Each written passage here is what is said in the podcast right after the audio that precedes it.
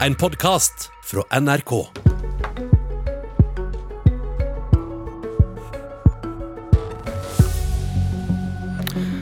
For en uke siden falt disse ordene i Politisk kvarter. Vi mener det er helt uansvarlig å peke på eh, Erna Solberg som en mulig statsminister etter dette valget. Men kan en stemme på MDG likevel bli en stemme på Erna Solberg som statsminister? I helgen var De Grønne tydelige på at de vil kaste en statsminister Støre som ikke leverer på klima og miljø. Og hva åpner de for da? Arild Hermstad sitter der han satt for en uke siden, for å svare. Ja, nestleder i Miljøpartiet De Grønne, Arild Hermstad, velkommen tilbake. Tusen takk. Det var dine ord vi hørte. Vi mener det er helt uansvarlig å peke på Erna Solberg som en mulig statsminister etter valget. Og dette var da en begrunnelse for hvorfor MDG vil forsøke et samarbeid med Arbeiderpartiet og SV etter stortingsvalget.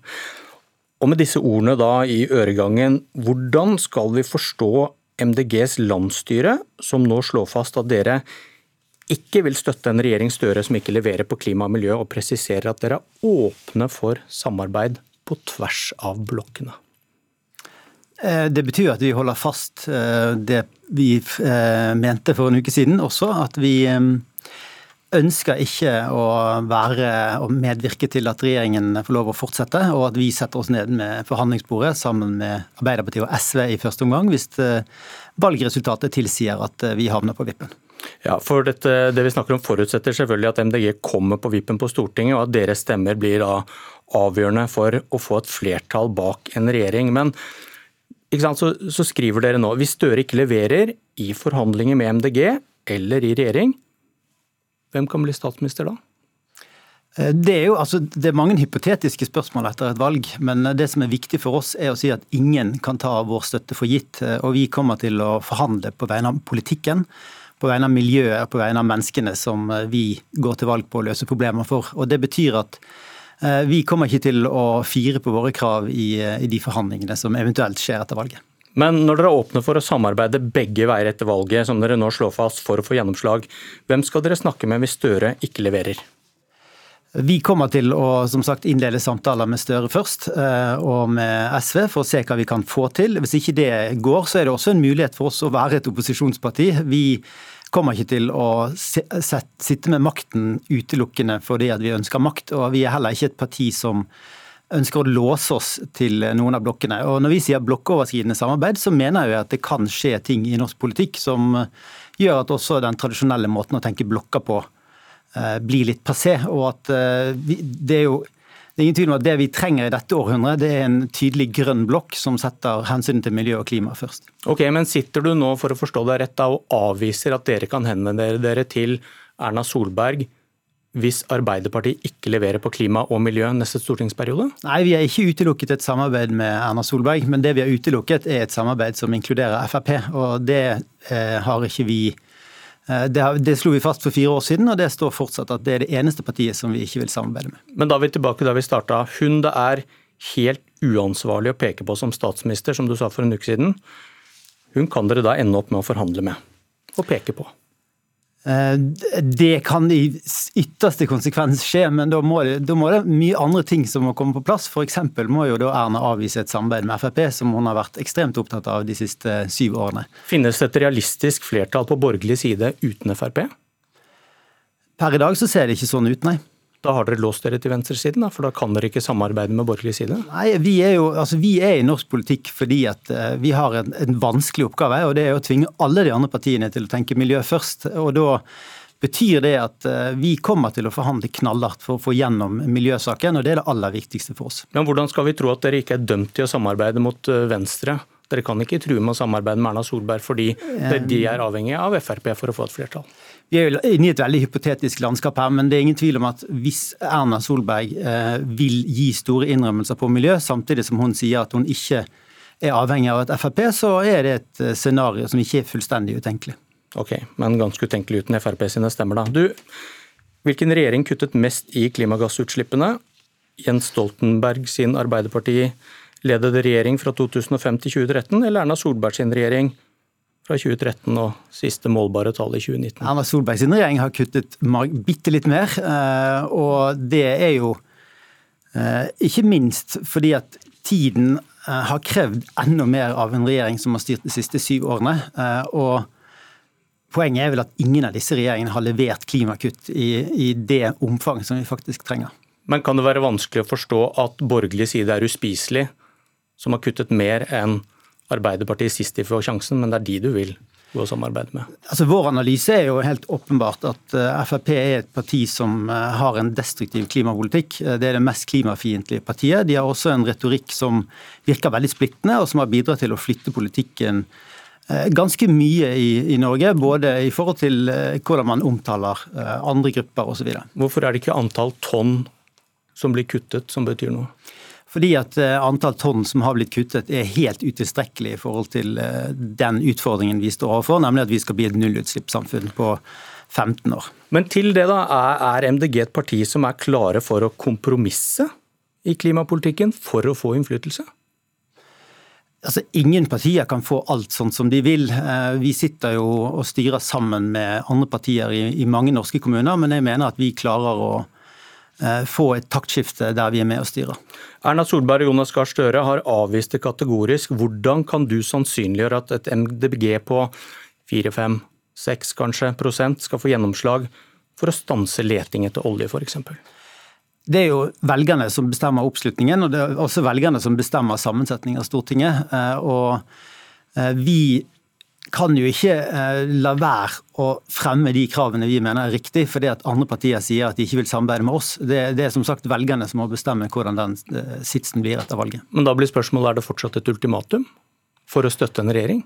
Det ultimatumet vi vedtok det var for fire år siden, det står fortsatt. Men eh, vi har ikke vedtatt nye ultimatum foran dette valget foreløpig. Og det vi skal gjøre nå, er jo først og fremst å levere et program som vi skal gå til valg på. Så svaret på det forrige spørsmålet er du klarer ikke sannsynligere at dere skal få gjennomslag for å stanse leting etter olje med 4-5-6% Det mener jeg vi må komme tilbake igjen til når, eh, når valgresultatet er klart og når forhandlingene pågår. Så, så skal vi selvfølgelig være tydelige på hvilke krav vi har.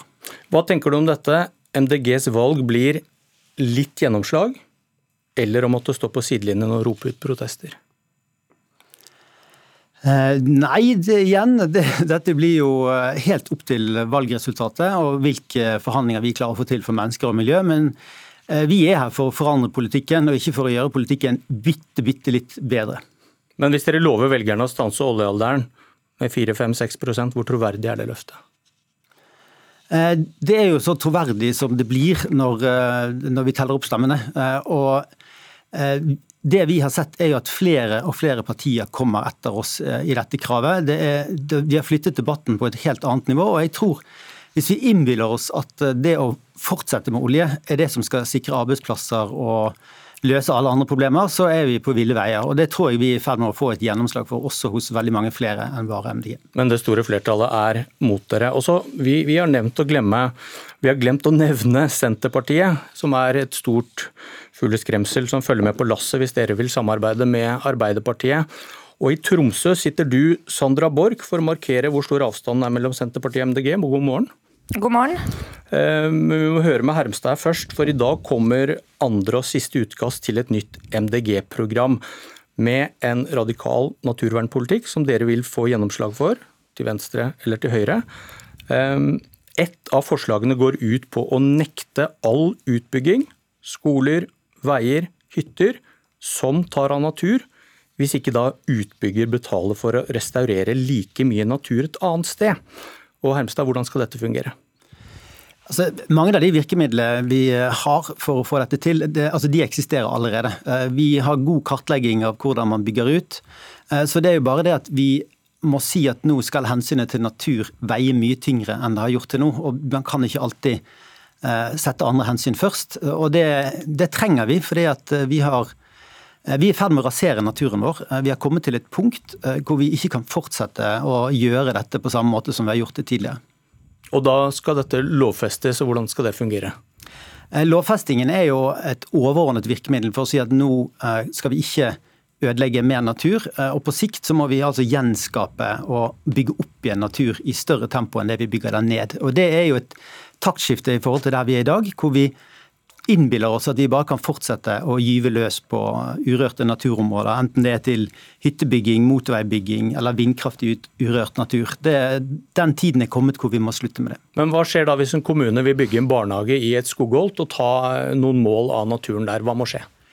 Først så må du finne ut om eh, du kan finne et skogholt som ikke har så store naturverdier. Eh, og Ofte så har man jo muligheten til å gjøre det. og eh, Man må da finne erstatningsarealer som er tilsvarende, enten i, i nærheten eller på en eller annen måte som gjør at du kommer netto ut uten å ødelegge mer natur enn det du Og det må de bekoste sjøl? Det må man bekoste sjøl, og dette er ikke så ulikt et sånt system man har ofte i dag. hvor man, Hvis man bygger ned et friareal, så må man stille tilsvarende friareal til disposisjon.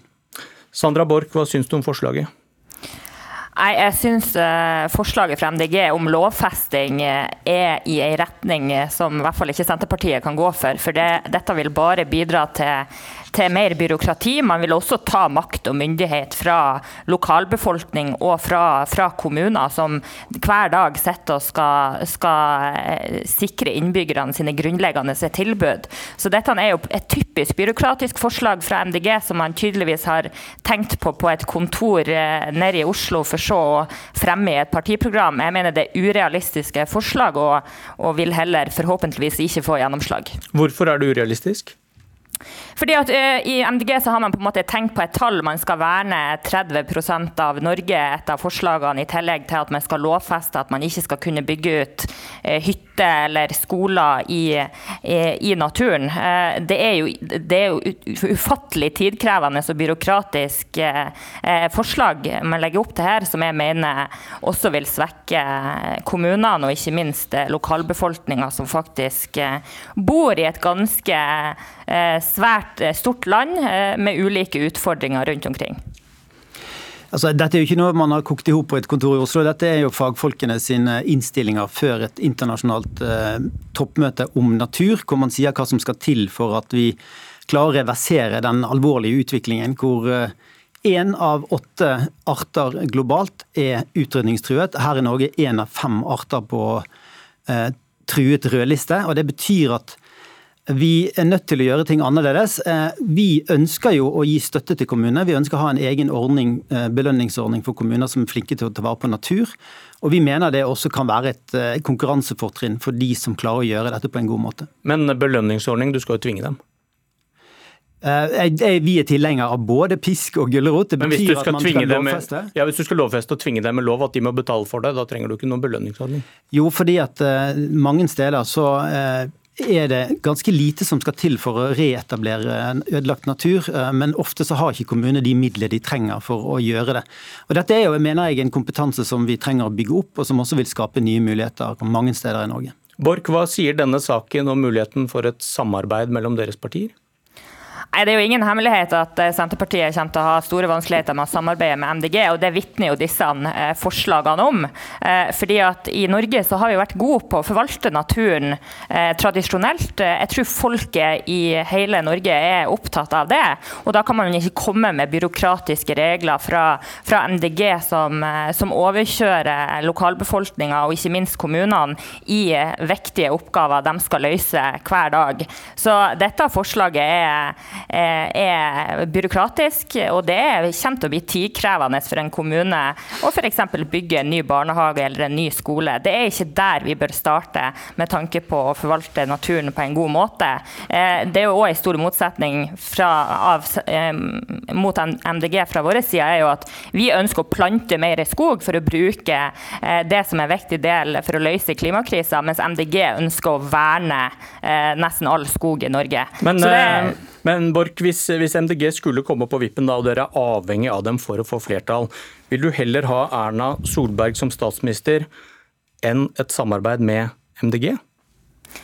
Du, nå er det ganske lenge igjen til valget, og det er fullt og helt opp til velgerne å bestemme hvem de ønsker i posisjoner. Så jeg tror vi skal la dem avgjøre det. Men svar på, hva du, svar på hva du mener. Du sa at denne saken viser at dere ikke kan samarbeide. Men ja, hva, hva, svarer du? For oss er det vanskelig å samarbeide med, med, MDG, og det er ingen hemmelighet. Det ser vi også i, Stortinget i dag. Vil du heller ha Erna Solberg som statsminister, var spørsmålet?